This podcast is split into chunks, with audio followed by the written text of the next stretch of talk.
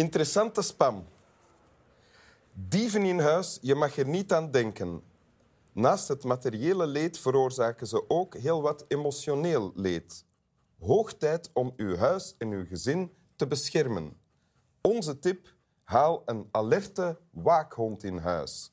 Onze honden bijten inbrekers meteen naar de knieën, naar het kruis of recht in het gezicht.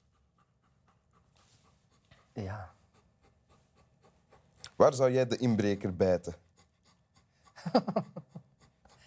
Trouwens, soms eh, smijten ze, de dieven smijten iets in de brievenbus. Zo'n koekje of zo, met een verdovend middel voor de waakhond. Is het waar? Ja. Dus ze hebben mij ook gezegd, dat was, dat was een keer bij ons eh, gebeurd. Bij de dochter van mijn vriendin. Ja. Ingebroken. Ja? Mijn fiets was trouwens weg. Ja. En de, zei, dus de po- politie zei, ja, je moet een briefbus hebben met een bakje aan. Ah ja. Dat ze dat Want niet kunnen bij ons doen bij de de honden. brievenbus van voor. Dus ze kunnen dat wel doen, maar wij hebben daar, onze hond kan daar, past daar niet in. Alleszins, ja. Een waakhond, goed idee. Welkom in Winteruur, Frederik Sioen. Eh, muzikant, muziekmaker, componist van eh, filmmuziek zelfs. Af en toe. Eh, muzikant van Zuid-Korea tot Zuid-Afrika en Vlaanderen. Alles met Zuid, dat doe ik. Ja. En je bent nu net op tournee of op tournee geweest met een stel Zuid-Afrikaanse... Ja, inderdaad. In Ja. Nederland, met Graceland. Ja. Place Graceland. Ja, En binnenkort komt er een plaat uit. ja eigenlijk eh, binnen, heel binnenkort zelfs. Eh? Messages of Cheer and Comfort. Ah. Ja, eh, een nieuwe album, het zevende album. Een, een eh, rockalbum, popalbum. Ja, popliedjes. Ik ga nog altijd van de liedjes eh, die dicht bij mij staan, recht uit het hart. Ja. Eh, onverbloemd de wereld in. Messages of cheer and comfort. Dus Prachtig. troostend ja, Hoor je dat? en bemoedigend. Bami, bami. en je hebt een tekst bij. Wil je die voorlezen? Absoluut. Het is een tekst uit Requiem pour Elle eh, van Alain Platel. Ja. Voor het requiem zoek ik een beeld dat de dood zo letterlijk mogelijk toont en dat laat zien hoe dat moment zo ontzettend klein is, een zucht ook. Vandaar mijn idee om gedurende de hele voorstelling een close-up van een gelaat van een stervende te laten zien. Geen andere beelden, niet van de omgeving, niet van het moment van euthanasie.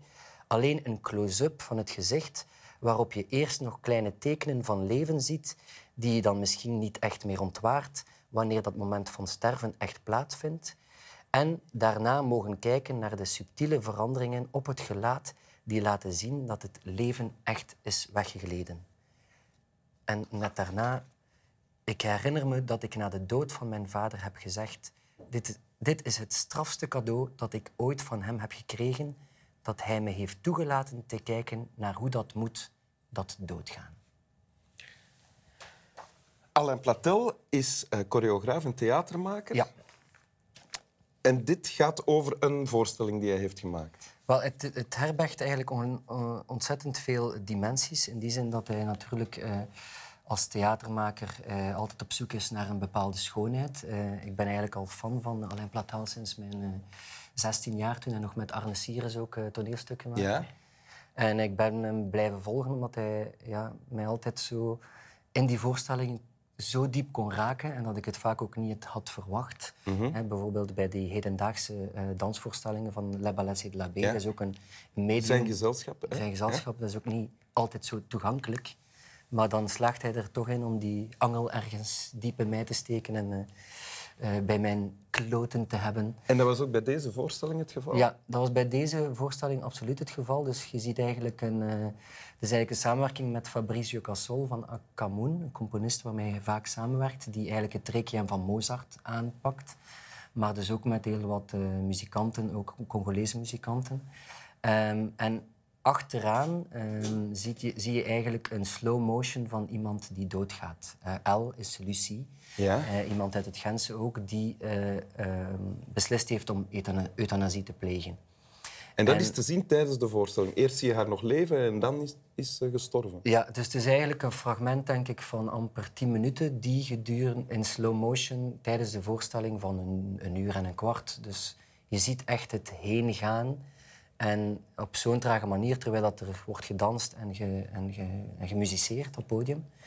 Maar ehm, de voorstelling heeft mij geraakt, maar vooral ook het boek. In het boek, het is geen roman of zo, hij ontrafelt eigenlijk... Dit is het boek dat bij de voorstelling hoort? Of, uh... Ja, het boek is na de voorstelling dus uitgebracht en daarin uh, vertelt hij het ganse proces van de voorstelling. Dus Ah, ja. de samenwerking met de muzikanten, maar dan vooral ook hoe hij ertoe gekomen is om bij Lucie eh, te komen. Ja. Hoe hij het gesprek aangegaan is met de, met de familie, dus ook met de kinderen, om te mogen filmen tijdens het heengaan van eh, die persoon. En ook hoe hij bijvoorbeeld met eh, Mark in het boek, eh, iemand die eh, constant, eh, die als dokter bij euthanasiepatiënten betrokken is, hoe hij daar dan mee omgaat. Maar En, en de aanleiding was geweest het, eh, de euthanasie van zijn eigen vader, die hij heeft meegemaakt? Dat is het tweede stukje dat je voorlas. inderdaad. Zijn vader heeft, dan, eh, heeft dan ook eh, beslist om euthanasie te plegen. En hij heeft ja, zijn familie daarop voorbereid. En daar is hij bij mogen zijn. Dus het, het heeft, de tekst heeft heel veel dimensies. Eh, ik denk dan bijvoorbeeld ja, de relatie met zijn vader, dat die heeft getoond hoe dat is om dood te gaan. Is, iets, is dat, iets, dat, iets dat mij ontzettend fascineert, omdat we eigenlijk ook in onze maatschappij we zien wel heel wat beelden op tv van mensen die doodgaan, of we horen wel van mensen of er is iemand ziek geweest, maar eigenlijk, we worden eigenlijk daar nooit op voorbereid of we hebben het daar eigenlijk ook heel weinig over. Heb jij al ooit iemand zien doodgaan? Ehm, eigenlijk- ja, eigenlijk wel, ja, inderdaad. Ja? Ik heb eh, mijn, mijn niet zien doodgaan, ik heb het moment niet eh, beleefd, maar wel net ervoor, toen mijn grootvader, die eigenlijk ook euthanasie gepleegd heeft, eh, beslist dat hij eigenlijk ook alles had voorbereid.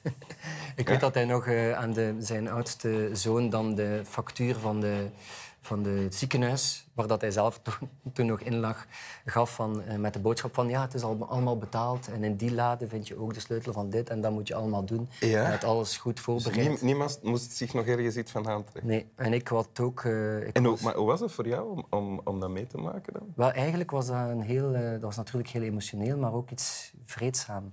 Ehm, dat, ja, dat, ik, was ook het oud, ik ben het oudste kleinkind van 18 van zijn kleinkinderen. Ja? En dus ik werd ook bij hem geroepen van, eh, dat ik dan verantwoordelijk was plots voor al die andere 18. En dat ik dus, ik moest eigenlijk ook op familiefeesten altijd eh, ja, eh, zeggen hoe het met die ging en hoe zijn punten waren en of dat nog aan was met zijn lief. En Jij moest verslag komen uitbrengen. verslag komen uitbrengen Toen hij nog oudste. leefde dan, ja, ja. toen hij nog leefde. En, maar het feit dat hij zo, eh, ja, dat hij dat allemaal zo had voorbereid, was eigenlijk inderdaad iets zeer geruststellend. Maar in het boek gaat het ook over gans het proces. En dat vind ik het meest, wat heeft mij het meest van al geraakt. Hoe iemand er die beslissing neemt. Hè. Dus eh, ik, ik zoek een beeld dat die dood zo letterlijk mogelijk toont. En Hier is de kunstenaar aan het woord, hè? de artiest, de maker. de ma- maker Ja? Alain Platel, dat die beslist om dat zo in zijn eenvoud en in zijn puurheid te tonen tijdens die voorstelling.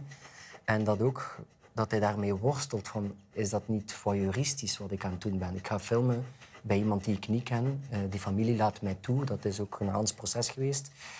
Dat vind ik, dat je die, dat risico neemt en dat je die uitdaging aangaat in die voorstelling als maker, dat vind ik iets ongelooflijk eh, moedig en oprecht. En het is ook zo recht toe, recht aan. Ja. Maar is dat dan iets dat je zelf ook probeert? Als maker, artiest? Ja, ik Of probeer- nastreeft, oprecht, eerlijk en moedig zijn in wat je maakt? Ja, en iets dat dicht bij mij staat en dat hij dan vertelt over zijn vader, dat hij dat meeneemt in dat proces, dat hij dat ook uitlegt aan al die dansers, muzikanten, de componist Fabricio Cassol die meewerkt en dat in zijn volle overtuiging brengt, dat heeft mij zo geraakt. Ook omdat het, de twijfel erin sluipt in dat proces. Ja. En ja, dat was het. Ik kon niet anders dan dit fragment kiezen. Wil je het dan nog eens voorlezen? Juist. Voor het requiem zoek ik een beeld dat de dood zo letterlijk mogelijk toont en dat laat zien hoe dat moment zo ontzettend klein is. Een zucht ook. Vandaar mijn idee om gedurende de hele voorstelling een close-up van een gelaat van een stervende te laten zien. Geen andere beelden, niet van de omgeving, niet van het moment van euthanasie. Alleen een close-up van het gezicht waarop je eerst nog kleine tekenen van leven ziet, die je dan misschien niet meer echt ontwaart wanneer dat moment van sterven echt plaatsvindt. En daarna te mogen kijken naar die subtiele veranderingen op het gelaat die laten zien dat het leven echt is weggegleden. Ik herinner me dat ik na de dood van mijn vader heb gezegd: Dit is het strafste cadeau dat ik ooit van iemand heb gekregen, dat hij me heeft toegelaten te kijken naar hoe dat moet, dat doodgaan. Dank u. Graag gedaan.